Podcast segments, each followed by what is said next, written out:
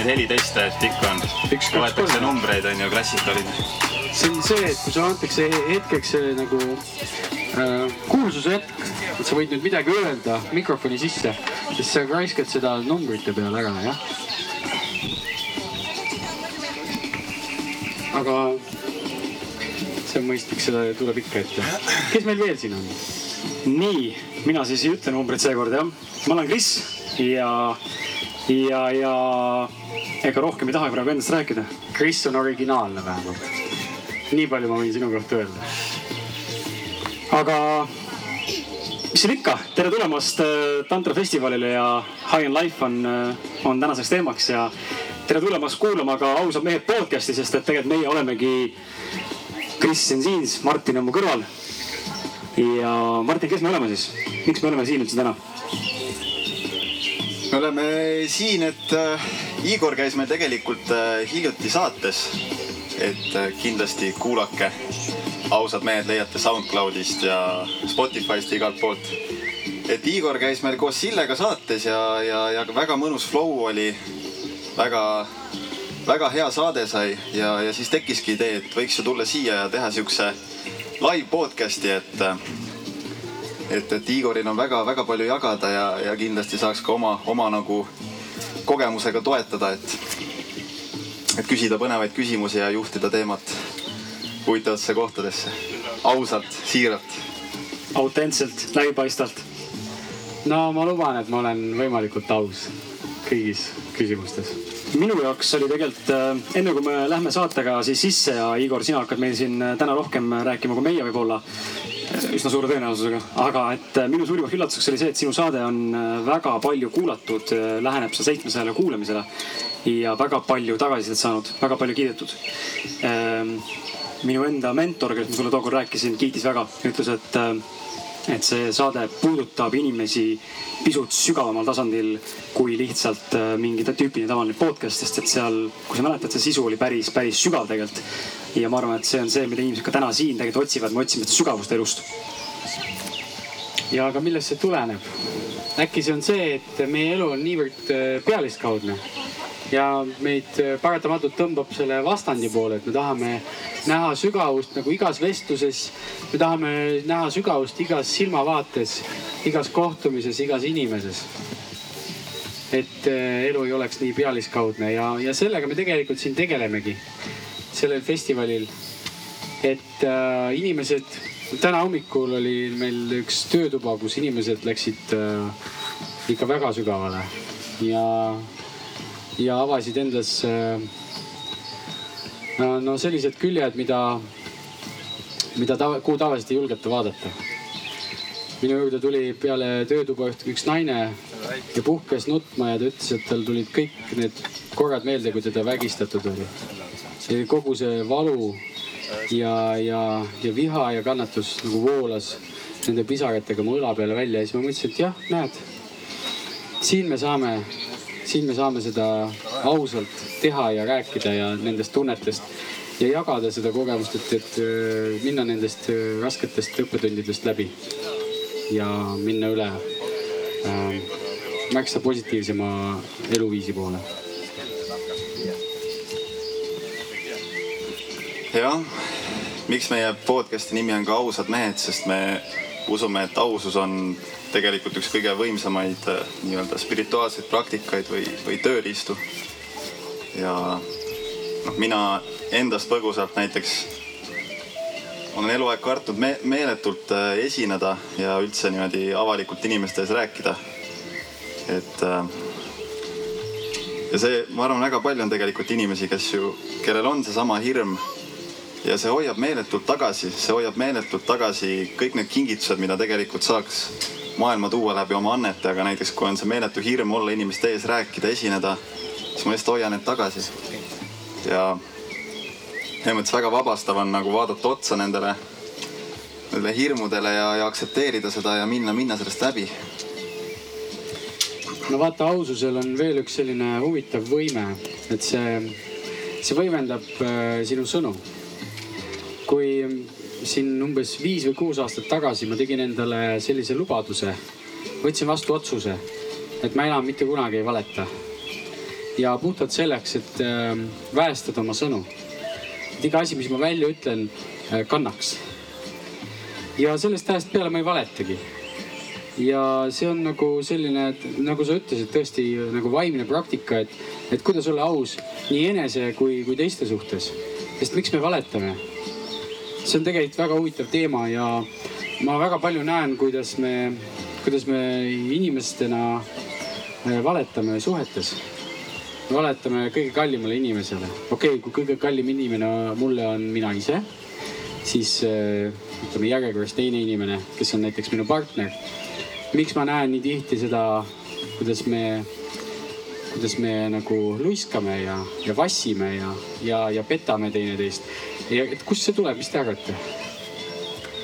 ma olen ise ka selle peale mõelnud, et äh, mul on huvitav kuulata, kui sa praegu mainisid seda, et sa lubasid iseendale, et sa rohkem ei valeta, aga mina tegin seda mõned aastad tagasi endale nagu täiesti kardinaalse otsuse. ma üritan, ma rõhutan, üritan, sest loomulikult on olus, elus siiani veel mingeid situatsioone, kus ma aeg-ajalt vassin, keerutan ja võib-olla ei ole täiesti sada protsenti autentne, aga ma mäletan seda, kui.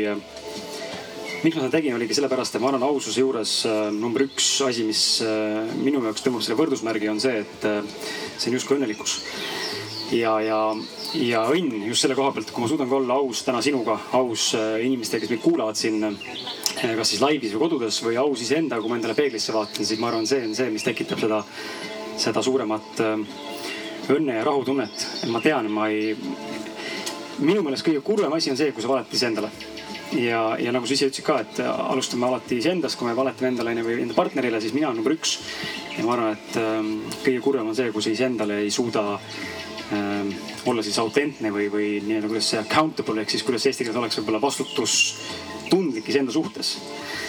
ja miks see tuleb, ma arvan, ma arvan, et seal on palju asju, aga kindlasti üks, äh, üks nendest, ma arvan, on vaata neid nüansse on palju, aga mul kargab pähe kohe ego. ja just selles valguses, et äh, kui me tahame ühiskonnas näida teistele kellegina, kes me tegelikult ei ole, siis me valetame. ja seda tahab meie ego tõenäoliselt üldiselt, et meie, kui me suudame olla kontaktis või saada kontakti tõelise olemuse ja enda eksistentsiga ja minaga, siis äh, mul ei ole mõtet hakata enam inimestele ka endale va noh, valetama, sest et ma olen see, kes ma olen ja mul ei ole midagi varjata. Aga kui ma kannan maske, siis ma arvan, et see vale valetamine on üks alustalasid, mis on seotud kahjuks, ma arvan, selle ego nii-öelda nagu kuidagi väljatulemisega. ma võin eksida hmm.. mis teie arvate sellest?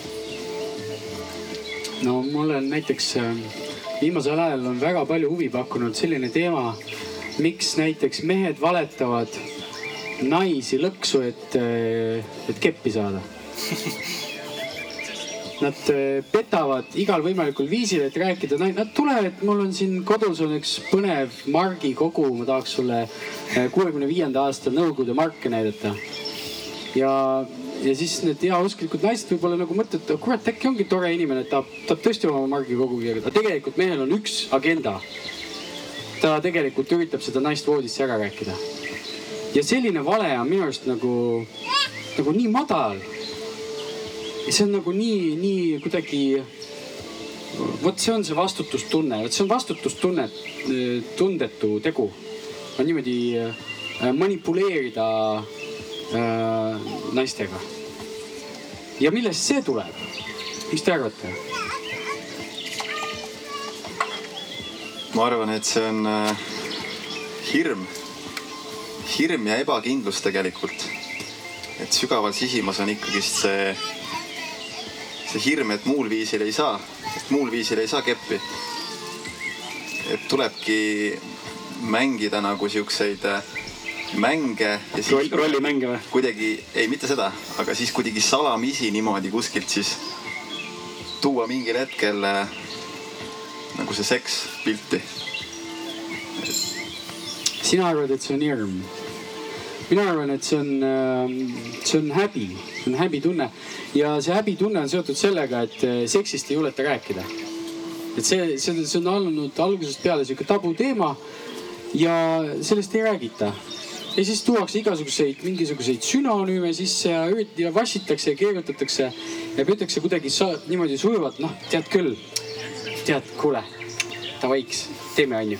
et, et ei räägita asjadest nii, nagu need on et võib-olla nagu üks äh, oluline õppetund siin, mida me Tantra festivaliga inimestele õpetame, on, on avatud vestlus. et me räägime asjadest nii, nagu nad on. me nimetame asju oma õigete nimedega ja me oleme ausad ja siirad teineteise suhtes ja sellega me näitame üles ka austust äh, noh, näiteks naiste vastu, et me, me ei lähe neile nagu vassima ja valetama, et kuule, et ma, ma tahaksin sulle siin mm, noh, näiteks väga lihtne, mida tavaliselt tehakse. tule, ma teen sulle massaaži noh, ja naistel on juba tekkinud selline nagu noh, hirm, et nii, jälle ta tahab massaaži, jälle üks tüüp tahab minul, minule massaaži teha. järelikult ta tahab keppi. näed, kõik noogutavad, ehk et eh, see on tegelikult, see on jälle valetamine et kui sa teed, sa tahad midagi pakkuda inimesele, tegelikult sa tahad sellest midagi saada.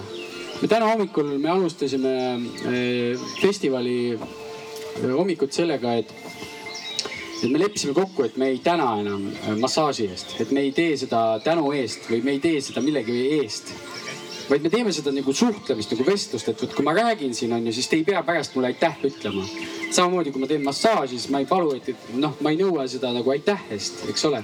et me võime pakkuda puudutust, me võime pakkuda seda lähedust ja ootamata midagi vastu. et see on see nagu iva, et, et, et mitte jääda nagu kinni sellesse, et mis, mis ma selle eest saan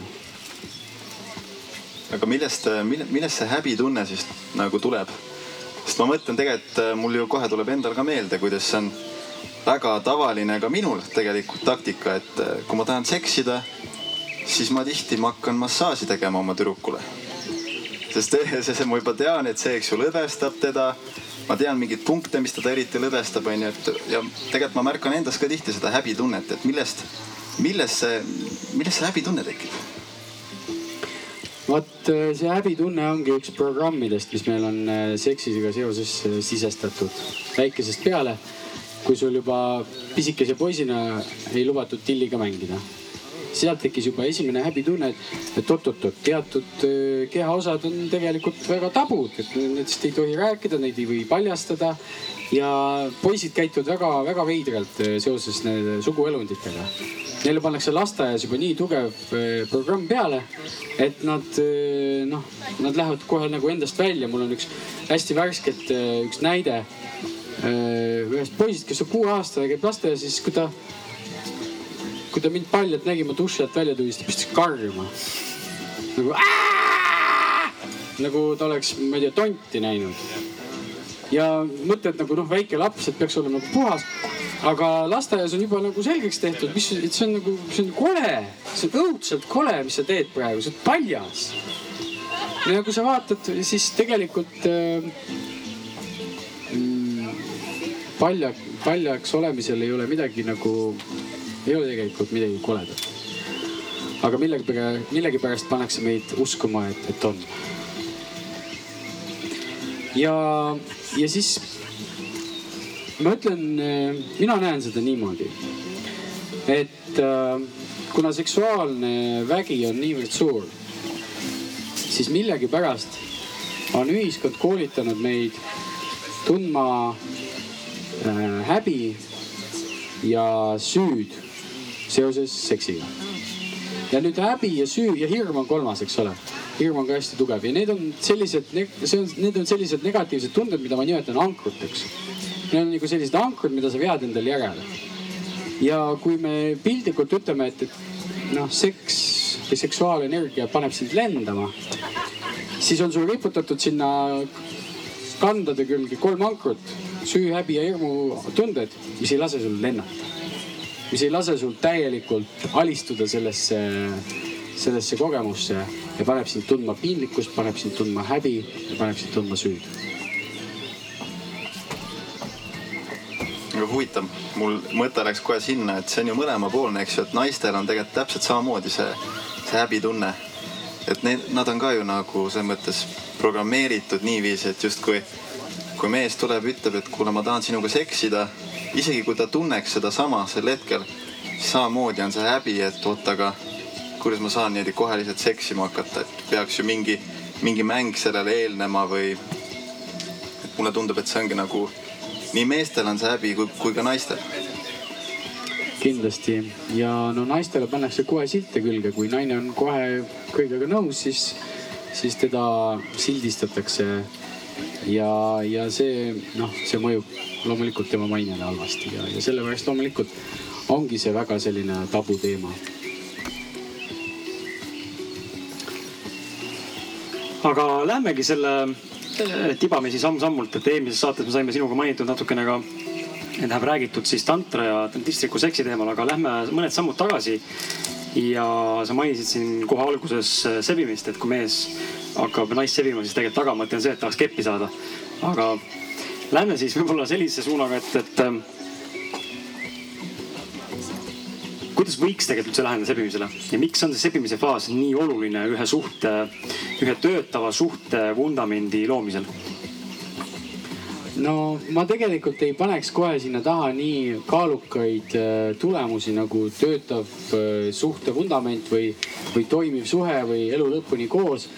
me tegelikult, äh, minu arust väga eluterve nähtus on flirt ja seda me ei pea alati tegema selle mõttega, et nii, nüüd ma näen naist, kellest, kellest saab potentsiaalselt minu laste ema.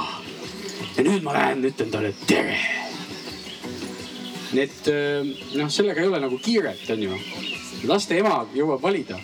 võib-olla ennem peaks nagu tegema võimalikult paljude inimestega tutvust ja, ja siis võib-olla noh, lasta asjadel harmooniliselt tekkida seetõttu ma ei paneks nagu nii kaalukaid asju äh, flirdiga kokku.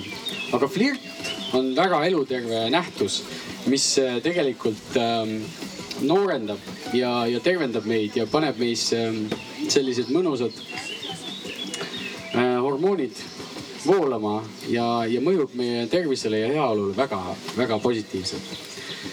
ma siin tegin ühte katset äh,. käisin äh, Island Soundil ja võtsin endale eesmärgiks esimesel õhtul seal festivalil saada tuttavaks võimalikult äh, paljude ilusate neidudega. ja ma sain tuttavaks umbes kümne kõige ilusama tüdrukuga seal festivalil.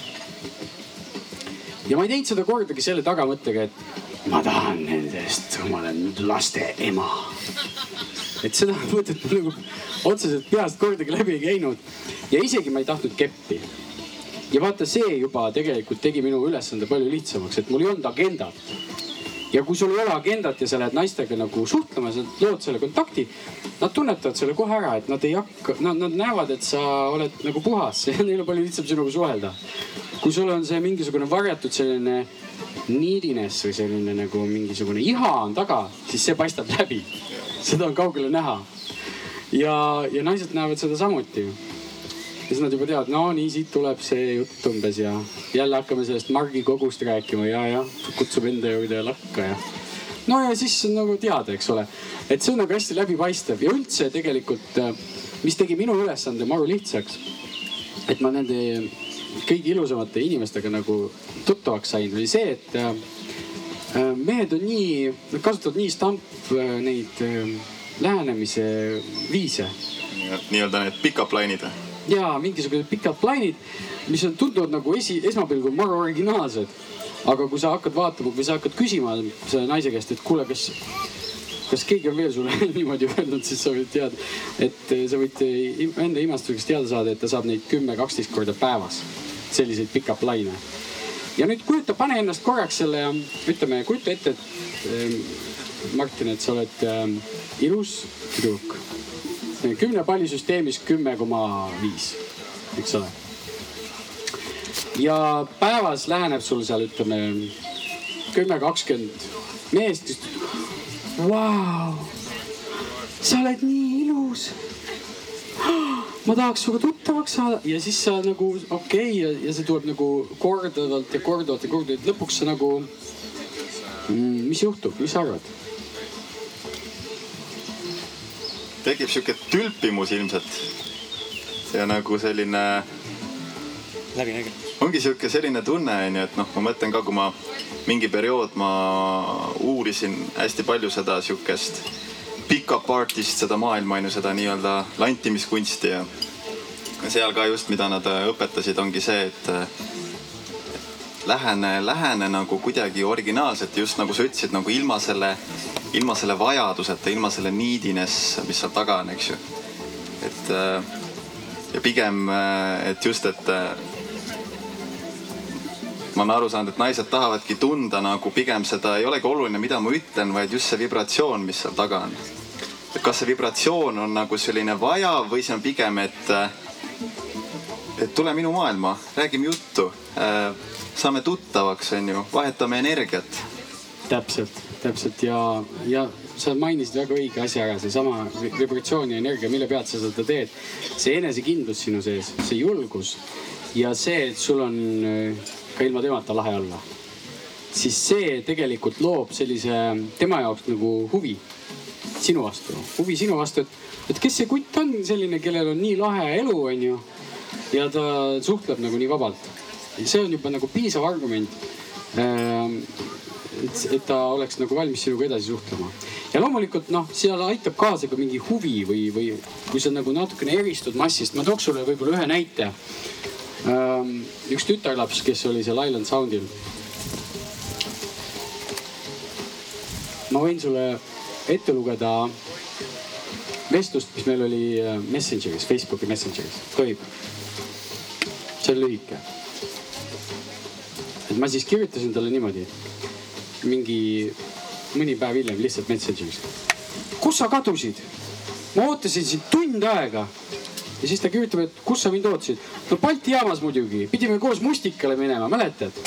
mul kõik pang ja kummikud ja seisin seal kella kolmest saati, ootasin sind Paldiski rongiga pidime minema. ja siis selle peale tuleb temal mingi selline suur lai naeratuse pilt. ja kirjutab mulle vastu, et nii armas, lähme kunagi kukeseenele siis. Ehk et see on date. võib-olla me ei lähe temaga kuskile kohvitama, me läheme kukeseenele ja see on minu arust parim date, mis saab olla ühe sellise ilusa tütarlapsega. või siis, või siis äkki ta troll, trollis sind lihtsalt? ei, pärast ta kirjutas äh, juba sellel samal lainel, me rääkisime nendest kummikutest ja, ja muudest asjadest, et, et see nagu noh, kuidas ma ütlen, seesama, see kastist välja mõtlemine ja, ja, ja sealjuures selline, et ei, puudub see hirm, et oi nüüd ma jään tast ilma, vaata et nüüd ma panen, nüüd ma ütlen midagi valesti. enamus mehi ongi selles nagu sellises hirmus, et oi, aga mis siis saab, kui ma midagi valesti ütlen. ja siis ta ei taha mind enam mitte kunagi näha, onju. ja, ja see juba tekitab sellise krambi, et sa oledki sellises mingisuguses noh, sul on nagu käbi kurgus kinni. See on huvitav äh, tähelepanek, Igor, sellepärast et äh, mul ei tule nagu meelde konkreetset situatsiooni enda, enda mineviku pealt, aga ma tean, et äh, see praegu kõnetas mind sellepärast, et ma ise olen olnud alateadlikult see noormees, kes on alati see super friend zone ja, ja mul ei ole kunagi agendat olnud ühegi tütarlapsega selles mõttes, aga kui on keegi meeldinud, siis on alati see hirm olnud, et ah kurat, kui ma praegu midagi valesti ütlen mm.. siis on ju, kurat, siin peol on ju veel kümme-viisteist venda, kellel on kohe till ka kohe tulemas mm. -hmm. et, et see nagu konstantne hirm taga taustal, et kui ma nüüd eksin, siis chance on nagu läinud mm. -hmm. on see, mis tegelikult äh, mingil määral panebki sind neid tobedaid asju ütlema. ja, ja tobedalt käituma. ja tobedalt käituma. et nagu tuleb välja see, see sinu mingi teine pale, kes tegelikult pole üldse sina. ja siis juhtuvadki mingid täiesti absurdsed asjad ja võivad äh, üsna tobedad välja näha, onju. et selle hirmuga sa tegelikult loodki seda, mida sa kõige rohkem kardad antud hetkel. aga mõtle seejuures niimoodi, et äh, mitte nii, et seal on kümme-teist meest, kes seda naist üritavad ära rääkida, vaid mõtle hoopis niimoodi, et seal on teised kümme naist, kellega oleks sama huvitav tuttavaks saada. ja nagu üks korralik müügi, müügimees, korja endale siis need kümme ei-d, kuni saad ühe korraliku jaa vastuse ja panegi nii kaua pange, noh, seda on lihtne öelda, aga aga vahepeal tuleb ka, ka sellest õppida, ka nendest ei-dest ja äraütlemistest tuleb õppida ja kasvatada oma sellist, no sedasama enesekindlust, et aitäh, aitäh sulle selle ei eest ja lähed edasi. aga mulle tundub, Martin, ma ei tea, Igor, kas te olete nõus, mitte, aga kui sa oled sihuke keskpärane Eesti mees, eks ole, ma ei oska teda kirjeldada niimoodi, aga.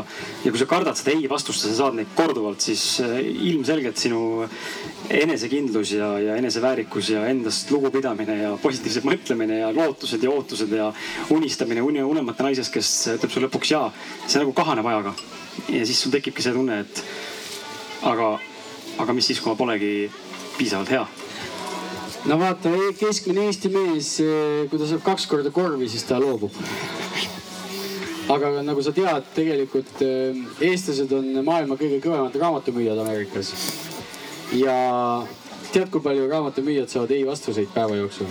see on kohutav. see on väga raske kool ja võtagi seda kui, kui õppetundi ja, ja mine sellest kahest kaugemale. Ja, ja ole, ole siis julge ja kui sul on tõesti juba kümme ei-d koos ja sa ei ole ühtegi jah vastust saanud, siis helista ja vaatame, mis, mis valesti on ma lisaks võib-olla siia selle agenda juurde nii palju enda poolt, et toon ühe enda isikliku kogemuse. elukaaslane istub mul seal lapsega, kükitab tähendab laua juures seal. et kui me kuus aastat tagasi esimest korda tutvusime, siis äh, tähendab teist korda, siis äh, sa just rääkisid agendast, et agendat ei tohi olla. Minul oli see mõte, kui ta ruumi sisse astus, et sellest saab minu laste ema. täna on see reaalsus seal aga mul ei olnud agendat, selles mõttes nagu, et mul ei olnud see kindel agenda, et nüüd ma saan siit laste ema või muidu mitte midagi, onju. ja ma nüüd lähen täie rauaga siia sisse või, või üldse ei, ei suhtle. aga minus oli see, ma tahangi öelda selle, selle nagu, selle agenda või nii-öelda siis nagu positiivsem külg on see, minus oli see teadmine ja mingisugune tundmus sisimas, et seal on nagu väga suur potentsiaal, kuhu ma peaksin täna panustama. Ja, ja täna on tulemus nagu seal, et, et võib-olla jah, see on nagu minu aeg mõtlengi, et ma olen seda nii mustvalgelt ei võtnud enda jaoks mm. -hmm. no see on väga ilus, kui sul on selline äratundmine ja, ja sa, ja sa tajud, siis see näitab sinu intuitsiooni tugevust ka minu jaoks, et sa, sa usaldasid seda sisemist häält, mis, mis sinust kõnetas seda inimest ja, ja noh, võib-olla kui me kõik suudaksime selliseid peresid luua, tuginedes sellisele nagu puhtale intuitsioonile, siis oleksid meie pered ka palju vastupidavamad ja püsiksid paremini koos. sest et tihtipeale, kui me vaatame, mis on need vundamendid, mille peale suhteid tänapäeval ehitatakse, on äh, kas äh, nagu tuksi läinud ühe öö suhe või, või mingisugused finantsilised hirmud või, või muud sõltuvussuhted ja, ja, ja, ja selle pealt, selle baasi pealt ehitatud suhted, nad paratamatult ei kesta või kui kestavad, siis väga valusa hinnaga jah, et ma usun, et äh, sa tegid selles suhtes väga julge ja, ja õige otsuse. ja selle koha pealt müts maha sinu ees aga sa mainisid sõna intuitsioon eelmises saates. Äh, ma tahtsin sult küsida, aga ei jõudnud selleni. räägi palun äh, paari, paari sõnaga, mis on sinu meelest, no kuidas sina kirjeldaksid intuitsiooni, mis see üldse on? kas seda saab, sa ütlesid eelmine kord intuitsioon, et see õnneotsingutel või üldse elu õnnelikuna olemine, sa ütlesid, et on üks asi elus navi, läbi navigeerimisel, et on üks kompass, eks ole, ja see kompass on õnnetunne. aga mina pakkusin intuitsioon ja sa ütlesid, et see on natuke keerulisem oskad sa äkki valgustada? no see on natuke keerulisem sellepärast, et me tavaliselt intuitsiooni ei kuule eh, selle müra tõttu, mis meil peas toimub. Ja selle eelduseks, et intuitsiooni tajuda või kuulda, on vaja mürast lahti saada ja see on see keeruline osa sest et mida puhtamaks sa saad omal selle kanali, mida rohkem sa suudad neid programme samal ajal nagu välja lülitada, mis sul kogu aeg nagu sisse peksavad äh, oma transistoris. seda mm, võib-olla selgemalt hakkad sa kuulma oma sisehäält. ja igaüks kuuleb seda ka omamoodi, et seal ei ole nagu sellist ühtset, et vot noh, see kostab nii ja see on umbes selline. et äh, mina kuulen intuitsiooni sellise peenikese, sellise nagu häälena oma kõrvas. ja, ja see tekkis ka peale, peale pikki, pikka aega vaikust. mingi hetk avanes selline uus potentsiaal. ja, ja kui keegi küsib, et kuidas selleni jõuda, siis ma ei oska teistmoodi õpetada kui see, et, et leida, leida vaikus, leida vaikus enese sees ja ainult siis sa saad seda tajuda. Huvitav jah, kas, kas siis ongi see, et ütleme, kui inimesel on teadlikkus hästi madal, kas siis võibki olla, et äh, igasugused programmid tunduvad nagu intuitsioonina, et, et võib-olla ajame segi mingisugused programmid, mingid hirmust tulenevad ego programmid intuitsiooniga? no ma arvan, et äh, intuitsioon on enamuse inimeste jaoks üldse võõras üsna võõras äh, termin. et paljud isegi ei taju seda, sest et kui me oleme sellises infomüras ja me laseme endast läbi kogu seda telefonidest ja, ja seadmetest tulenevat infot, siis meil ei jäägi aega äh, seda kinni püüda, sest äh, vaata, me rääkisime eelmises saates tähelepanust ja kõige lihtsam võib-olla seda kirjeldada on äh, nii, et intuitsiooni jaoks, intuitsiooni tajumiseks pead sa suutma viia tähelepanu enda sisse. aga kui me vaatame en enamus inimeste eluviisi, siis nende tähelepanu on suunatud välja kogu aeg, väljapoole. Me peame vahepeal tooma tähelepanu enda sisse, siis on võimalik äh, kohtuda oma intuitsiooniga aga see on jah huvitav, mis ma enne veel tahtsin lisada, et samamoodi nagu kui sina nägid Eliiset esimest korda, sul oli see tugev sisetunne, eks ju, et, et temast saab sinu naine ja temast tuleb sinu laste ema.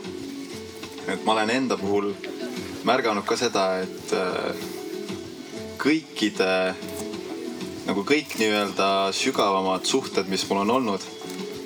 esimest korda seda tüdrukut nähes, mul oli alati mingi meeletu sisetunne, tugev energia käis kehast läbi nagu mingi märk, mis alati, kui muidu ma olen ka olnud siukene võib-olla nice guy ja selline natuke ebakindlam naistega suheldes, siis alati nende naistega kohtudes nagu mingi teine programm lülitub tööle et ja, ja kõik ja kõik ne, kõikide nende tüdrukutega ma siis olen läinud suhtesse, kellega mul on see tunne käinud seest läbi, et, et, et selles mõttes ka väga huvitav. kas sa oskad natukene kirjeldada või tuua mingi näite selle kohta? et kui ma esimest korda näen, eks ju, noh, ma võtangi nüüd näiteks viimase näite, kui ma oma tüdrukut nägin esimest korda. Lihtsalt mingi selline äratundmine, mingi kergus, rõõm, selline seletamatu tõmme ja äratundmine, mis on nagu nii selgelt eristatav kõigest muust, et seda ei saa nagu ajada segi mingisuguse, kui ma lihtsalt kuskil tänaval kõnnin, näen kedagi ilusat, vaatan, et vau, kena onju. et mingi sügavam äratundmine, et vot sinna suunas ma pean minema selle tüdrukuga ma pean saama tuttavaks. kas sul lapsi ka on, Martin? veel ei ole. soovid sa saada lapsi? kindlasti. no ma usun, et, et selles samamoodi sellise energia pealt äh, loodud suhted on, on äh, ilusad ja jätkusuutlikud. aga kuidas kuna on see õige hetk või, või millal peaks tulema see otsus, et, et äh, omale lapsi teha? Kris, kuidas äh, sinul sündis see otsus või, või oli see teie mõlemapoolne otsus või oli see teadlik valik või kuidas see nagu juhtus? ei vaata, eks ma arvan, siin on ju mitu äh, mündi mitu külge ja selle laste, üldse laste, laste kontseptsiooni juures on ju tegelikult mitu tahku, et ühtepidi on see ju ühiskondlikult ja meie vanemate poolt ju propageeritud, et suhtes peavad lapsed tulema ja nii on, eks ole, onju. aga teisalt minul endal oli see valmisolek, ma arvan, juba kahekümne ühe aastaselt. Minus oli sees selline mehelik selline teadmine, et kurat, ma olen hea isa, isa materjal, ma olen hea paps. et kui ma saan kunagi isaks, siis ma olen hea paps ja, ja aga mul ei olnud partnerit too hetk ja, ja siis, kui ma lõpuks enda elukaaslast kohtasin, siis mul nagu tabas see teadmine, kuidagi tekkis seesama, nagu ütlesin ka, et see tunne, et vot, vot sealt see laps tuleb. ja, ja ma arvan, me, ma arvan, ma heas mõttes manipuleerisin äh, teda päris kõvasti mitu aastat. Äh, sõna manipuleerimine võib-olla halb, mõjutasin, et selles mõttes suunasin, mõjutasin ja diskuteerisime ja, ja lõpuks siis, kui me üle-eelmine talv Euroopas olime, autoga reisisime, siis me läksime läksimegi sinna maailma avastama ja, ja seal tekkis meil see sügavam, sügavam mõistmine, et me oleme mõlemad tegelikult valmis nüüd. et mina olin ammu valmis juba, aga ootasin nii-öelda elukaaslase järel, kes siis reisil sai enda jaoks siis selle kuskil mingisuguse teadmise ja tundmise, et, et nüüd ta on valmis. mul oli eile Martiniga üks pikk kõne telefonis just, et ma siin eelmise, eile salvestasin ühe, ühe üksiku nii-öelda meie ausad mehed repertuaaris siukse nagu inspiratsioonivalangu. see on üksikud siuksed, mina räägin üksinda ja Martin räägib üksinda, kakskümmend minti väike sihuke mõtte jagamine ja ma ütlesin välja selle lause, et ma olin tegelikult lapse saamist planeerinud viimased kaks-kolm aastat. et mul oleks täna nii, nagu mul on. finantsiliselt, äh, suhte poolest hea suhe ja nii edasi, kõik on nagu paigas. siis Martin küsis, kus ma tegin seda ja, ja siis ma sain ka tegelikult aru, et ma olengi tegelikult nii alateadlikult kui teadlikult tegelikult viimased kolm aastat loonud enda suhtes ja teinud tööd igapäevaselt selle nimel koos enda partneriga. et täna oleks meil see siin, kus me oleme siis kümnekuuse tütrega. nii et see on olnud selles mõttes ikkagi väga ütleme nagu planeeritud, aga, aga valmisolek on olnud, on tulnud lihtsalt hiljem? siin on väga huvitav, sinu lapse kõrval mängib üks teine laps praegu siin muru peal. ja näiteks see tüdruk, kes, kas ta on nimelt tüdruk või poiss, ma enam ei mäleta. tüdruk jah, mängib siis laps, kes sündis siin festivalil. ongi nii või? eelmine aasta meil selle lapse emal hakkasid tuud pihta siinsamas saunas ja siis läks suuremaks mölluks, kui sünnitustegevus pihta hakkas. aga no viimasel hetkel me siiski ikkagi otsustasime kiirabi kasuks ja, ja kiirabiga mindi, mindi linna tagasi ja pärast tuldi juba lapsega siia. et meil, meie traditsioon on kasvanud juba nii kaugele, et meil on siin sellised järeltulevad põlved, kes, kes seda festivali vaimu nagu kannavad. see on küll väga lahe. Aga ma pean sind kiitma ka selle eest, et sa nii pikalt planeerisid ja valmistusid selleks äh, otsustavaks äh, sammuks, sest äh, noh, selline selline otsus äh, näitab kõigepealt sinu enda mm, nagu küpsust. ja, ja see võime niimoodi selleks valmistuda, et ma usun, paljud inimesed ei mõtle selle peale nii palju, nii pikalt ette. Ja see on ka kindlasti nagu selle lapse hinge nagu valikul nagu ka hästi-hästi mõjuv. sest äh, noh, mina usun sellesse, et meie lapsed valivad omale vanemad ja kui, kui äh, me otsustasime minu lapse, laste emaga saada nagu veel ühe lapse. et see oli siis, see on siis kõige noorem tütar minul. Siis me ka valmistusime selleks kaks aastat ette. ja üks aasta sellest oli selline, et me tegime endaga hästi palju tööd. me mediteerisime, me tegime puhastusi kehaliselt, vaimselt Ehm, me esitasime taotlusi, et tuua selline mm, kõrge puhas hing siia maa peale. ja kui siis ehm, kogu see, ütleme ähm, initsieerimine ja, ja rasedaks jäämine oli ka meil, meil, meil nagu rituaaliga.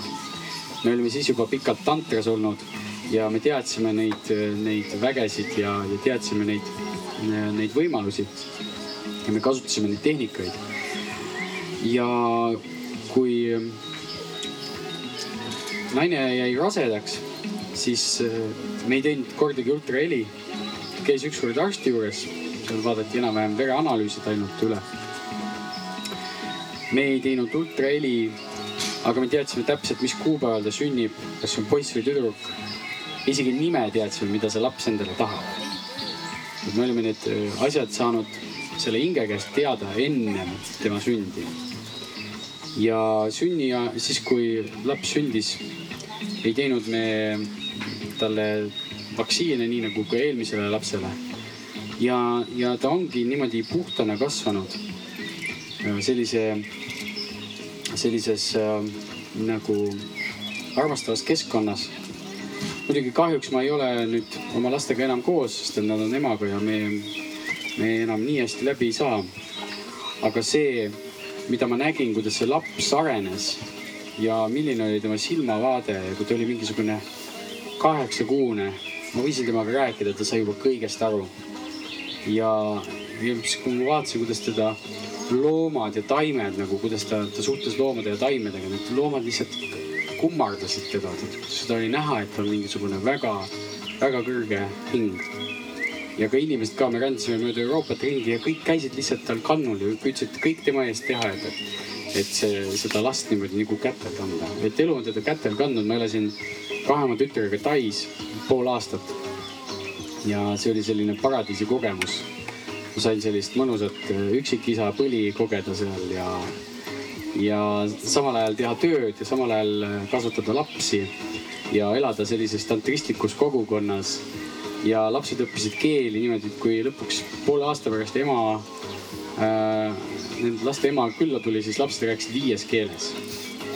nii et see oli hästi-hästi huvitav kogemus nii mulle isana kui, kui lastele, ma usun. see on väga ilus, mis sa räägid, sellepärast et mul on eriti hea meel seda kuulata, sest et ka meie oleme näinud oma lapsega seda teed, et et üks asi on see, et ei vaktsineeri ja teistpidi see, mis ma eelmises saates ütlesin ka sulle, kuidas meie enda nime samuti lihtsalt kirjutasime ühes Portugali rannas liiva peale ja, ja ütlesime, et universum tere tulemast, tere tulemast Elli, kes on siis täna lapse nimi ja, ja siis kümme kuud hiljem ta sündiski ja nimi ongi Elli onju et see on nagu huvitav, kuidas tegelikult teadlikult on väga palju võimalik luua enda reaalsust, kaasa arvatud siis neid järglaseid ja loomulikult, eks igaüks, ma arvan, on iseenda selles mõttes otsuse ju ja valiku kandja, et võib-olla mõni ei usu sellesse, mina usun täielikult, nii nagu sinagi. ja, ja, ja usun täiega sellesse, et, et hinged tulevad, lapsed tulevad äh, väga valitud teekonda tegema siia. ja mida ma olen näinud selle vaim, korraks nagu vaimsuse teemat veel puudutades, enne kui ma tahan siin suunata ka selle suhte küsimuse juurde, et huvitav on nagu nende lapse puhul nüüd näha, kus ta on kümnekuune ja ta mõnikord on, ähm, juba tekivad need momendid, kus ta pilk justkui on selline nagu mitte tühjusesse vaatav, aga, aga on näha, et ta, ta nagu ei ole kogu aeg siin, ta on kuskil, kuskil korraks ära nagu. sihuke enda mõtte, sihuke mõttepaus tekib. Et sa võid ta niimoodi kutsuda ja, ja talle kuidagi ei saa midagi teha, aga ta on korraks ära nagu me täiskasvanud inimestena ka mõnikord oleme, et nagu vajuma mõttesse ja, ja siis on näha, et see nagu nii lahe, et ta nagu ära, ta nagu mõtleb tegelikult juba. Ja, ja mul on ka sihuke tunne samamoodi mõnikord suheldes temaga rääkides, et, et ta reaalselt saabki aru, ta saabki aru, mis sa räägid talle. Ja vahet pole, kas see on eesti või inglise keeles. Äh, ta saabki sellest aru, sest et see intent, mis mina sinna sisse panen lapsevanemana või siis üldse noh, sõbrana või, või inimesena, see on nii puhas. Ja kuna ta on ise rikkumata ja puhas, siis, siis ta tajub seda hoopis teistmoodi kui võib-olla mõni kõrvaline laps, kes oleks saanud võib-olla teistsugust äh, üles sellist kasvatust kui huvitavatel, vaata kui huvitavad asjad, äh, huvitavatel teemadel me isadena räägime. tegelikult ähm, ma tunnen, et, et see isade kvaliteet on ka muutunud siin ajaga, et, et vanasti olid meil isad rohkem siuksed gängsterid, kes äh, käisid ühe naise teise juurde ja, ja, ja tegid omale mitme pere peale lapsi ja, ja siis tegelikult neid huvitas hoopis autosport näiteks siis tänapäeval me nagu, ma nagu fanatismiga nagu uurin seda laste arengut ja, ja osalen selles ja, ja ma saan sellest nagu nii palju huvitavat ja, ja nii palju nauditavat sellist äh, sisu. see on hästi-hästi põnev. see on, äh, Martin, äh, sinu teekond, mis sul varsti ees on, loodetavasti. mitte me sind surume, aga loodetavasti. ei, absoluutselt. just eile küsisin oma tüdrukult Tanjalt enne magama jäämist, et oled valmis emaks saama või naljaga nagu tahtsin näha reaktsiooni, et. aga ma usun, et see aeg tuleb varsti, et, et kuidagi on tekkinud jah, eriti viimastel, mingi viimasel poole aastaga selline mingi uus tunne sisse, mingi uus küpsuse tunne, et, et hakkab nagu see aeg tekkima vaikselt kätte. ja noh, miks minule kindlasti on ka hästi-hästi südamelähedane see teema ja just see, et olla, olla hea isa, sest et noh, minu isa ilmselgelt ei, ei täitnud oma isa rolli hästi, eks ju, et, et, et just, et, et tuua siia maailma hing ja, ja, ja pakkuda talle armastust ja, ja, ja näidata talle, et, et kõik on hästi. luua see turva, turvatunne nii sügavalt hinge sellele lapsele maast madalast et ta ei pea tegelema nende samade teemadega, millega, millega mina pidin tegelema, eks ju, ja siiani tegelen. väga lahe on kuulata seda. mulle meeldib, kui äh, mehed, mehed äh, räägivad ausalt, ausalt sellest, mis toimub. aga Igor, kui sa ei äh, kätt ette ei pane, siis on sul midagi veel lisada või tahad, lähme, lähme suhte juurde. tahaks küsida sinult sihukese küsimuse, et tänaseks olen ma nagu aru saanud, mul, minuga resoneerus väga jubedalt, ma räägin ühe väikse loo ja siis ma räägin, küsin su küsimuse. et minuga resoneerus väga tugevalt selline mees nagu David Coggins, kes võib-olla teab, kes ei tea, vahet ei ole. Eh, aga tema on siis eksmilitarist ja selline, ütleme sihuke väga kõva sõjaväetegelane Ameerikas. ja, ja tema on ennast väga kõvasti siis üles töötanud selle suunas, kus ta siis tunneb ennast täna õnnelikumana. ta tõi nagu väga hea aususe nagu sellise talapunkti või mõtte, mõttetulvi välja enda raamatus, kus ta rääkis sellest, et kui sa vaatad peeglisse, siis sa näed tõde iseenda nagu füüsilise keha peal. et kui sa oled näiteks ülekaaluline ja sulle ei meeldi see, siis sa ei saa endale valetada peeglisse vaadates, et ah ei, no mis siin on, tegelikult ma olen siin nurga pealt ilus, ilus. et tegelikult on see koht, kus endale öelda ausalt, et järelikult sa oled paks, tuleb teha trenni. Minu küsimus tuleb sellest juurde, et kas sellise suunitlusega, nagu me iseendale saame öelda, et võib-olla tulebki öelda endale aeg-ajalt, et äh, tõele näkku vaadata, öelda, et okei okay,, ma olen kas liiga paks, liiga peenikene, ma olen liiga see, too, kolmas. mis mind enda juures häirib, et ütlen ausalt välja, nüüd on aeg sellega tegelema hakata. kas samasuguse strateegiaga sinu meelest võiks toimida ka partnerile lähenemine? et kui sa tead, et partner näiteks on mingis asjas ebakindel ja see häirib teda. noh toomegi näite, et naisterahva puhul võib-olla väiksed rinnad, võib-olla liiga suured rinnad, võib-olla väike pepu, mehe puhul väike mitte piisavalt lihaseline keha. et kas partnerile tasuks otse öelda siis välja sedasama asja, et jah, kuule, aitab küll juba, et jaa, nii on, hakkame tegelema. või see pigem on isegi see, et kuigi see on ausus ja täiesti autentsus ja läbipaistvus suhtes, siis see võib ikkagi olla nii-öelda nagu suhet laastav. et liiga otsekohene. ei, nii otsekoheselt ma kindlasti ei soovita sul äh, oma kallima inimese poole pöörduda sest äh, paratamatult, kuigi sinu võib-olla soov, taotlus on seal äh, puhas ja õilis, panna oma kallimat trenni tegema, siis äh, tegelikult sa teed sealt talle väga julmalt haiget. sest et äh, vaata, kõige rohkem saab solvata just lähedane inimene kui talle ütleks keegi seda, mingisugune vana sõbranna kuskil tänava peal, siis ta nagu ei võtaks seda nii südamesse, aga kui seda teed sina, siis see teeb nagu julmalt haiget. ja naist ei saa, see on väga suur viga, ma olen sellega nagu kõvasti eksinud ka oma elus ja ma olen vitsad kätte saanud, et naist ei saa motiveerida, näidates talle nagu seda peegeldust, sellist tõde onju. kuule vaata, sa oled ju paks, mine trenni, söö vähem. noh, see, see ei aita, sa tõmbad sa tõmbad talle sellise kassi peale, et, et sellest kindlasti pärast sa veel õigustad ennast, aga ma tegin seda sinu huvides, kallis, siis see ei toimi. mis, mis sinna asemele võid panna, on see tegelikult, mis, mis nagu aitab. aga selles sa pead olema ka väga delikaatne ja osav. et äh, kiida teda, kiida naist ja kiida teda niimoodi, noh see peab olema ka siiras, see ei tohi olla selline nagu irooniline või, või, või mingisugune manipulatiivne. Aga püüa teda kiita näiteks selle eest, kui ta no käiski näiteks poes jalgrattaga hoopis. Vau, et sa tegid seda jalgrattaga, see on nii äge.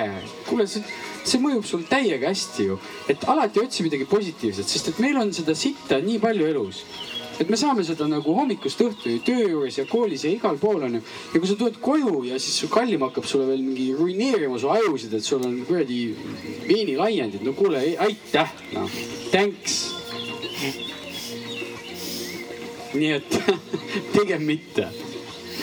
ole, ole meheks ja, ja püüa siis äh, suunata oma elukaaslast siis nagu läbi positiivsete impulside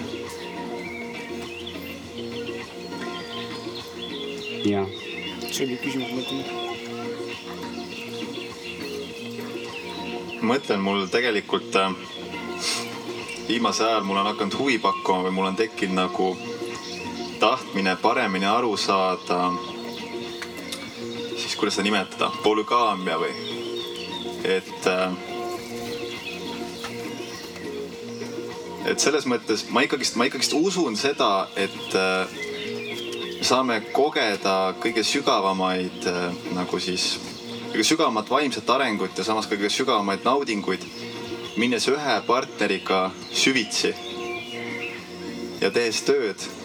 Aga, aga teisalt, kui varem ma absoluutselt, ma ei suutnud seda vastu võtta, ma ei suutnud aru saada nagu näiteks võib-olla meestest, kes ongi avatult mitme naisega suhtes või naised, kes on avatult mitme mehega suhtes siis nüüd minus on tekkinud nagu mingi mõistmine ja nagu huvi paremini aru saada.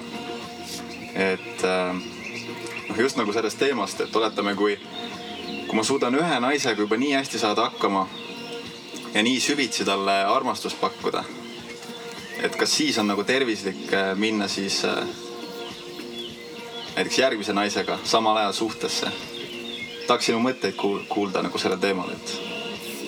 see on väga huvitav teema ja mul on tegelikult äh, olnud ka mitu suhet, aga selle koha pealt ma olen sinuga nõus, et, äh, et üks suhe äh, viib nagu märksa sügavamale. et kui sa kasvatad ühe inimesega sellise usalduse, siis sa saad temaga nagu sukelduda palju, palju sügavamale ja ma olengi seda teed läinud. samas mul on äh, palju suhteid ja mul on palju naissõpru ja mul on palju inimesi, kellega ma olen ka in, nagu intiimselt lähedane, aga mul on üks põhimõte, mida ma siin rääkisin ka Anu Saagimi saates. ja no neile tuli see üsna üllatuseks, aga see on minu põhimõte olnud siin juba mm, neli-viis aastat. et äh, ma olen äh,, isegi kui ma olen lähedane nagu mitme partneriga, siis seksuaalselt kui me käsitleme seksi sellise klassikalises võtmes koos penetratsiooniga, ma olen suhtes ainult ühega. ja tegelikult ma ütlen seda, noh, see võib-olla ongi minu pickup line, et kui ma saan tuttavaks äh, mõne naisterahvaga, siis ma, ma ütlen kohe, et aga ma ei, ma ei seksi et me võime teha siin igasuguseid asju, me võime tuttavaks saada, me võime mängida, me võime teha massaaže ja, ja ma võin igasuguseid nagu asju sulle õpetada, aga, aga seksi ei ole. et see on ilma seksita ja paljude jaoks see tundub algul nagu sihuke võõras, et oot-oot-oot, mis mõttes nagu seksi ei saa noh. aga teistpidi äh, noh, kuna ma teen professionaalset massaaži ka, siis tegelikult see käib nagu minu selle nii-öelda etiketiga kokku. et ja, ja tead, mis see teeb, see võtab naiselt maha sellise, naistelt võtab see maha sellise, sedasama hirmu, millest me ennem rääkisime, et näed, ta teeb mulle massaaži, et järelikult tahab keppi aga kui me algusest peale lepime nagu mängureeglid kokku, et me selleni nagu ei lähe, siis temal on nagu kergem hingata ja mul on kergem hingata, et meil on nagu mõnes mõttes nagu piirid paigas. ja, ja tead, kui palju uusi võimalusi avaneb. see on umbes sama, ma tooksin võrdluseks näiteks, et kui sa jätad liha söömise maha ja ja siis sa mõtled, kurat, nüüd liha ei olegi, onju, et nüüd peab hakkama köögis hullult improviseerima, et kõhtu täis saada ja et toit oleks mitmekesine. ja siis sa hakkad nagu palju rohkem äh, näiteks äh, selle kokkamisega tegelema ja sa hakkad uurima rohkem toiduainete kohta ja, ja vaatad, kus sa saad valku ja mingisuguseid asju, onju. et see tegelikult rikastab sinu elu, mitte ei tee sind vaesemaks, sa võtad ühe komponendi ära, aga sa saad sada tükki asemele ja siin on samamoodi, kui ma võtan selle penetratsiooni ära, ma saan sada muud võtet asemele ja meil on nii palju põnevam see. ja nüüd kogu selle polügaamia kohta ma ütlen niimoodi, et, et seesama, kui, kui nüüd noh, sa oledki otsustanud, et sa lähed kellegagi nagu süviti või sa lähed sügavamale. olgu see siis sinu laste ema või, või sinu abikaasa või lihtsalt äh, sinu nagu välja valitud tüdruksõber, siis kui sa oled sellises polügaamilises suhtes, siis mis eristab äh, seda naist nagu kõigist nendest teistest naistest, kellega sa suhtled? vot kuidas sa saad talle nüüd öelda, et ei vaata, sina oled eriline. et sinu jaoks ma olen nagu sada protsenti olemas, onju. aga mis, kuidas sa seda tõestad? lihtsalt sellest, et sa nagu vaatad talle nüüd sügavalt silma, ütled, sa oled ainus. et äh, siin ongi võib-olla meeste jaoks mõtteaine, et ma olen seda mitmel festivalil ka ja oma filmis ka nagu soovitanud proovida meestele, et, et tee siis selline mehine valik.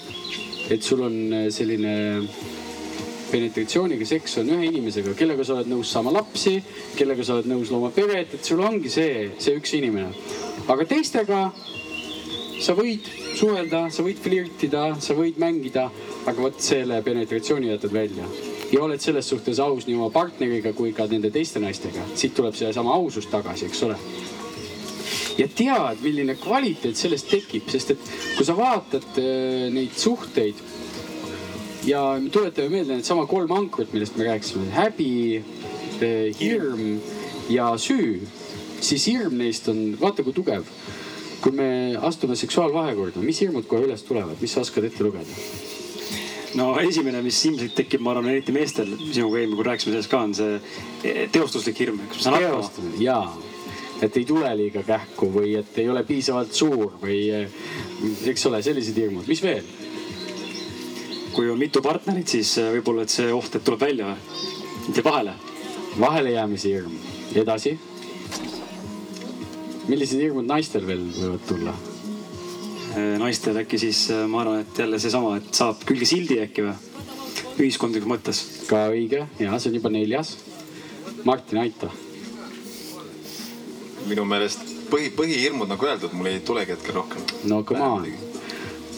siis on veel lapse saamise hirm. on ju? mõtle, millist pingutust tänapäeva naine peab tegema, et, et hoid, hoiduda rasestumisest. Ma ei räägi ainult kondoomidest, võtame spiraali, kas te olete näinud, kuidas spiraal välja näeb? naine peab seda enda sees kandma mingisugust metalli, eks ole. et jumala eest, kui mees äkki tuleb, et siis ta, ta on vähemalt kaitstud. ja siis on need beebipillid, mis keeravad kogu hormonaalsüsteemi segamini ja panevad seal, ma ei tea, vuntsid kasvama ja, ja mida kõike onju ja on meie Läänemere juba ära rikkunud, et seal juba, et kalad ei saa kudeda, teadlased räägivad Läänemerest sellepärast, et beebipille läheb nii palju vetsupotist alla nagu, et sest et see aine läheb ju edasi kehast läbi. siis on äh, suguhaiguste ees hirm. on ju? nii, kuus hirmu juba ehk et kui me võtame sellise ilusa suhte, olgu see siis kasvõi ühe öö suhe on ju. meil on siin ilus armastuse puhang, meil on selline arvamise tunne, ilus vahekord ja teisel pool kaalukaussi on sihuke uus sellist monstrumi hirmu on ju, mis tõmbavad kogu seda naudingut alla. sa kujutad ette, kui palju see mõjutab tegelikult seda hetke, kui sa püksid jalast ära võtad. kõik need hirmud hüppavad korraga välja. kus, kuhu jääb see armastus, kuhu jääb see, see nauding, see mõnus selline koosolemine? see on väga tugev vastukaal sellele. ja nüüd tegelikult sellise ühe väikse lihtsa reegliga on võimalik kõik need hirmud kõrvale jätta ja minna sellisele rännakule selle inimesega, mis on nagu hoopis teise kvaliteediga. ma tõmbaks siinkohal kohe nagu paralleeliga võib-olla sõprussuhte poole, et äh, nagu tekkis see mõte praegu pähe. et kui suudame nagu jätta selle penetratsiooni kõrvale ehk siis seksi kõrvale ja siis tekibki see vabastus vaba tunne, et äh, nüüd on meil piirid paigas, me teeme seda, mis me teeme ja, ja me siit üle minna ei saa, sest me oleme kokku leppinud niimoodi. ja ma arvan, et ühtepidi nagu ütlesid ka, et see tekitabki seda rahutunnet ja, ja vabatunnet ja usaldust teineteise vastu, et meil on paigas, kus me läheme ja nüüd saab olla ainult fun, sest me oleme avatud sellele, me teame, me oleme omavahel ausad olnud. ja ma arvan, et see üks ühtepidi nagu naljakas, aga võib-olla mis pähe kargas, on see ka, et kui ma ei teaks, et Martin tahaks mulle taha keerata näiteks mingi hetk, siis võib-olla ma ei usaldaks Martinit nii palju, sest et ka sõprussuhtes mulle tundub tegelikult täna, et olles Martiniga me oleme Martiniga teinud omavahel sellise nii-öelda nagu pact või nagu diili verbaalselt, et, et äh, me oleme üdini ausad üksteisega täiesti no elupäevade lõpuni võimalik. ehk siis, kui ma midagi teen kehvasti või midagi häirib või, või Martin toob minus midagi esile, siis ma ütlen selle välja, ilma ma hakkaks keerutama, vassima või seda varjama. sest et selline suhtlus ja selline austus ja ausus üksteise vastu, eriti meesterahvaste seas, ma tunnen ka, et see loob nagu sõprusele hoopis teise vundamendi, sest me teame, kus on piirid, meil polegi neid piire. Aga samal ajal ma tean ka seda, et Martin ei taha mul taha keerata, see on ka piir onju. et nagu, kui ma seda ei teaks, siis võib-olla. oled kindel ei ole vaata onju.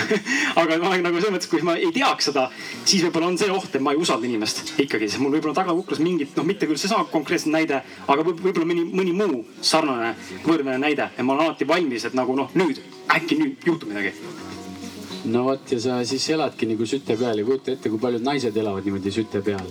aga nii nagu sa suutsid teha Martiniga kokkuleppe, miks me ei võiks teha niimoodi oma partneritega, oma naistega kokkuleppeid, et me paneme piirid paika, me lepime reeglid kokku ja, ja me lihtsustame sedasama kommunikatsiooni ja suhtlemist ja koos veedetud aega. ja tegelikult siinsamas Tanter festivalil me õpetame inimestele, kuidas neid piire seada, kuidas neid kokkuleppeid teha, kuidas mängida nende nii-öelda piiridega, kuidas tunnetada, mis on minu jaoks okei okay,, mis on minu jaoks mitte okei okay.. et see on nagu hästi oluline just selle küpsuse juures, see komponent, et sa oled aus nii enda kui, kui teise vastu ja sa suudad seda verbaalselt või, või ka kehaliselt väljendada. meil on siin selleks väga erinevaid viise, et meil tuleb siin õhtul Love Lounge, kus me just õpime, kuidas kehaliselt näidata, mis on sinu soovid ja mis on sinu piirid. ja tegelikult siin äh, olles nüüd siin ilusal päikselisel festivalil, ma lubasin ka meie festivali osalejatel, kes siin praegu meid kuulavad, esitada mõne küsimuse. et kui praegu on äh, siin äh, Muru väljakul tekkinud mõni huvitav küsimus, siis on selleks hea hetk tõsta käsi ja me anname mikrofoni et äh, tuua sisse ka natukene seda festivali vaibi siia saatesse. muidu tundub, et me jälle istume siin kolmekesi ja keegi ei näe senikaua kui keegi julgust kogub, siis ma tahtsin lihtsalt Igor seda sulle öelda, et ma arvan, et üks suhte, paarisuhte üldse vundamenti, mida mina olen näinud. ma ei tea, kus mu naine nüüd on, loodan, et ta väga häbitunned on seal, aga ma midagi väga paljastajat ei ütle, aga ma näiteks näen seda, et äh, isegi koos vetsus käimine näiteks on hästi vabastav olnud meie suhtele. ja ma ei ole, ei oleks eales osanud arvata seda, et see võib olla midagi sellist mida, mida võib-olla mehed või naised suudaks ka nagu aktsepteerida, kui partner on sul seal üks, vahet pole, üks või kaks, eks ole, teeb ja sa vestled temaga parasjagu, kui sul on vaja teha seda, siis see on nagu meelet vabastav ja see viib suhte täiesti teisele tasemele. kas sa oled lasknud tal oma riista hoida, kui sa kused? nii kaugele veel ei ole läinud, aga ta on näinud, kui ma pissin. no mine samm edasi, vaata kui huvitav see kogemus veel on. väga põnev. Kas on kellelgi äkki tekkinud küsimusi? inimesed nagu tundub, et kuulavad ja muigavad kaasa ja mõtlevad kaasa, kas siin mõni julge tahab äkki küsida midagi? või öelda hoopis enda arvamust? Meelin, äkki sul on? ma ei tea, ma ei tea ei, need on häbelikud äh, pealtvaatajad, paistab nii. no aga kui palju, Igor, on täna üldse tantrafestivalil, ütleme suurusjärgus, palju on vallalisi, palju on baaris äh, olevaid inimesi, kas siin ülekaal on pigem praegu vallaliste poolele või vastupidi? No me nii põhjalikku ankeeti seekord ei teinud, et me sellist nagu uuringut päris ei korralda, et, et teada saada, kellel, kui palju pangakontol on või kellel, kui mitu meest või naist on. aga ma võin sulle öelda, et ähm, sellist, äh, ma ei näe sellist äh, klammerdumist. isegi kui inimesed tulevad siia nagu baaris, siis ma juba näen nii palju usaldust nende vahel, et nad äh, vahepeal valivad erinevad töötoad näiteks. Vahepeal lõunastavad võib-olla päeva jooksul ainult koos, ülejäänud aja tiirutavadki ja rändavad ringi ja pakuvad teineteisele nii palju vabadust, et saada sellest maksimaalne kogemus, sest et meil on vaata, see festival on tehtud nagu nii keeruliseks inimeste jaoks, et siin on neli töötuba korraga ja paratamatult sa pead valima, sul on nagu valik nelja erineva teema vahel ja kõik tunduvad huvitavad, siis see nagu ajab korralikult kuuli kokku. Ja siis äh, nagu nende baaride eelis võib-olla ongi selles, et kuule, et ma lähen sinna seda meest kuulama, sa mine käi seal massaažitöötoas ja pärast jagame siis nad saavad vähemalt poole kätte. aga äkki olekski siis äh, mõistlik sinult küsida viimase sellise täpsustava küsimusena, et lähtudes siis äh, baaridest või baaridele mõelduna, kes siin täna on, et äh, kuidas hoida ühte väga hästi toimivat suhet. et kui suhe on mul täna siin või keegi kaasa mõtleb ja kuulab, et teil on väga hea suhe täna, siis kuidas seda suhet omakorda veel võimendada et ta läheks üle selle saja protsendi nii-öelda tulemuse. et äh, me oleme rääkinud aususest, ausus number üks üksteise vastu, iseenda vastu, läbipaistvus. kas me klammerdumisest oleme rääkinud? ei ole. vaata mm,, siin on üks, veel üks huvitav hirm. Hirm ilma jääda oma paarilisest. ja väga paljud äh, tunnevad sellist kompleksi, et äkki on keegi minust parem, äkki ta leiab parema mehe ja siis ta jätab mind maha et äh, see hirm tuleneb millest? ma arvan, et seal on väga suur, ähm, väga suur, kas just enesevihkamine, aga ma arvan, alaväärsuskompleksiga seotud kuidagi midagi. täpselt, madal enesehinnang. ehk et sa tunned kompleksi, et sa ise ei ole piisav tema jaoks. ja sa hakkad kartma, et nüüd sa jääd sellest ilma, mis sulle on antud, onju. ja no selle vastu aitab näiteks seesama, kui sa võtad omale ette mingisugused, mingid tantrapraktikad või õpetused ja arened ja kasvad ja tegeled endaga. Ja, ja sa tead, et sa oled nii kuradima hea, et tal ei ole põhjustki minna kuhugi mujale kedagi teist otsima. sa tead, et, et see, mida te öösel teete, on nagu tema jaoks juba piisavalt hea taevamanna, et tal ei ole vaja minna kuskil küla peale otsima ja siit ka vastus sellele, Martin, sinu nagu küsimusele, et kui ma, kas ma olen piisavalt hea mees, et kui ma olen piisavalt hea mees, siis ma lähen ja otsin omale teise naise veel. vaata, selleks sa pead olema veendunud, et su esimene naine on nii palju rahuldatud ja nii rahul, et äh, ta võib sulle ise öelda, siis kui sa küsid ta käest, kuule, kallis, ma siin leidsin veel ühe tüdruku, ma tahan temaga ka, siis ta ütleb, et aga mine ma tegelikult ma leidsin sulle ise juba ilusa partneri veel juurde. et sa pead ise, sa pead jõudma nii kaugele selles suhtes, et see, et sinu partner on rahuldatud, on rahul. ja, ja alles siis öö, hakka mõtlema polügaamsele suhtele. oled sa nõus minuga? absoluutselt. et selles mõttes ise ma ennast absoluutselt ei kujutaks veel ette polügaamses suhtes aga ma olen selle ideega lihtsalt nagu hakanud mängima ja üritanud aru saada, et see on nagu, ma olen kuulanud mõningaid podcast'e, kus siis äh, mehed kes on näiteks kahe naisega suhtes ja, ja tema naine on samal ajal teise mehega suhtes, on nagu kirjeldanud neid sisemisi teemoneid, mis üles tulevad, kui on ju esimest korda kuulis, et nüüd ta naine läheb teise mehega välja. et äh, seda on nagu, tundub nagu päris, päris ütleme, rets selles mõttes, et see nõuab ikka juba tohutut sellist suutlikkust mitte klammerduda ja, ja, ja, ja nagu eneses kindel olemist ja, ja, ja rahu tegemist. täpselt. no ma elasin äh, mingi aeg kahe naisega. ja lisaks oli veel kaks tütart, ehk siis oli juba neli naist. ja see, kuidas ma pidin oma tähelepanu nende vahel jaotama see on tegelikult äh, väga suur koormus, sa pead oskama nagu ka ennast säästa seejuures ja, ja pakkuma piisavalt tähelepanu teistele, et tegelikult see on selline väljakutse, mida võib-olla noh, unistustes tundub nagu hullult lahe, et küll oleks äge, kui oleks nagu sihuke väike oma haarem. aga see nõuab ka väga tugevat sellist äh, keskendumise võimet ja, ja oma tähelepanu jaotuse võimet sealjuures ja loomulikult tegeleda kõigi nende emotsioonide ja teemonitega, mis siis üles tulevad, loomulikult. Nendest ei pääse.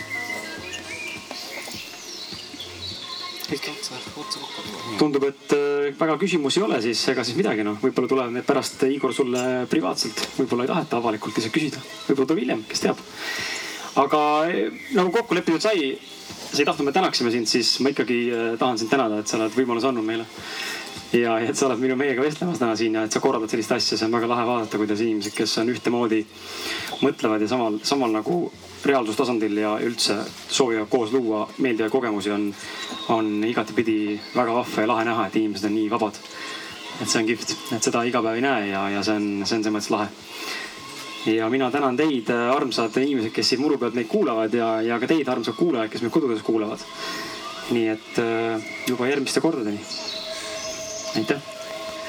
aitäh teile, ausad mehed ja palun aplausi siit meie muruväljakult, et te kuuleks, kui palju meil siin kuulajaid oli.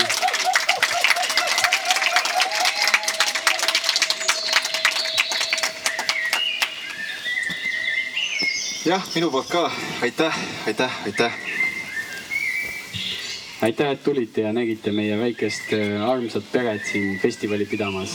niimoodi me siin iga aasta kohtume ja suvitame ja naudime koos teineteise seltskonda ja õpime alati midagi uut ja huvitavat ja, ja, ja jagame, jagame seda armastust, jagame vendlust, partnerlust ja rõõmu.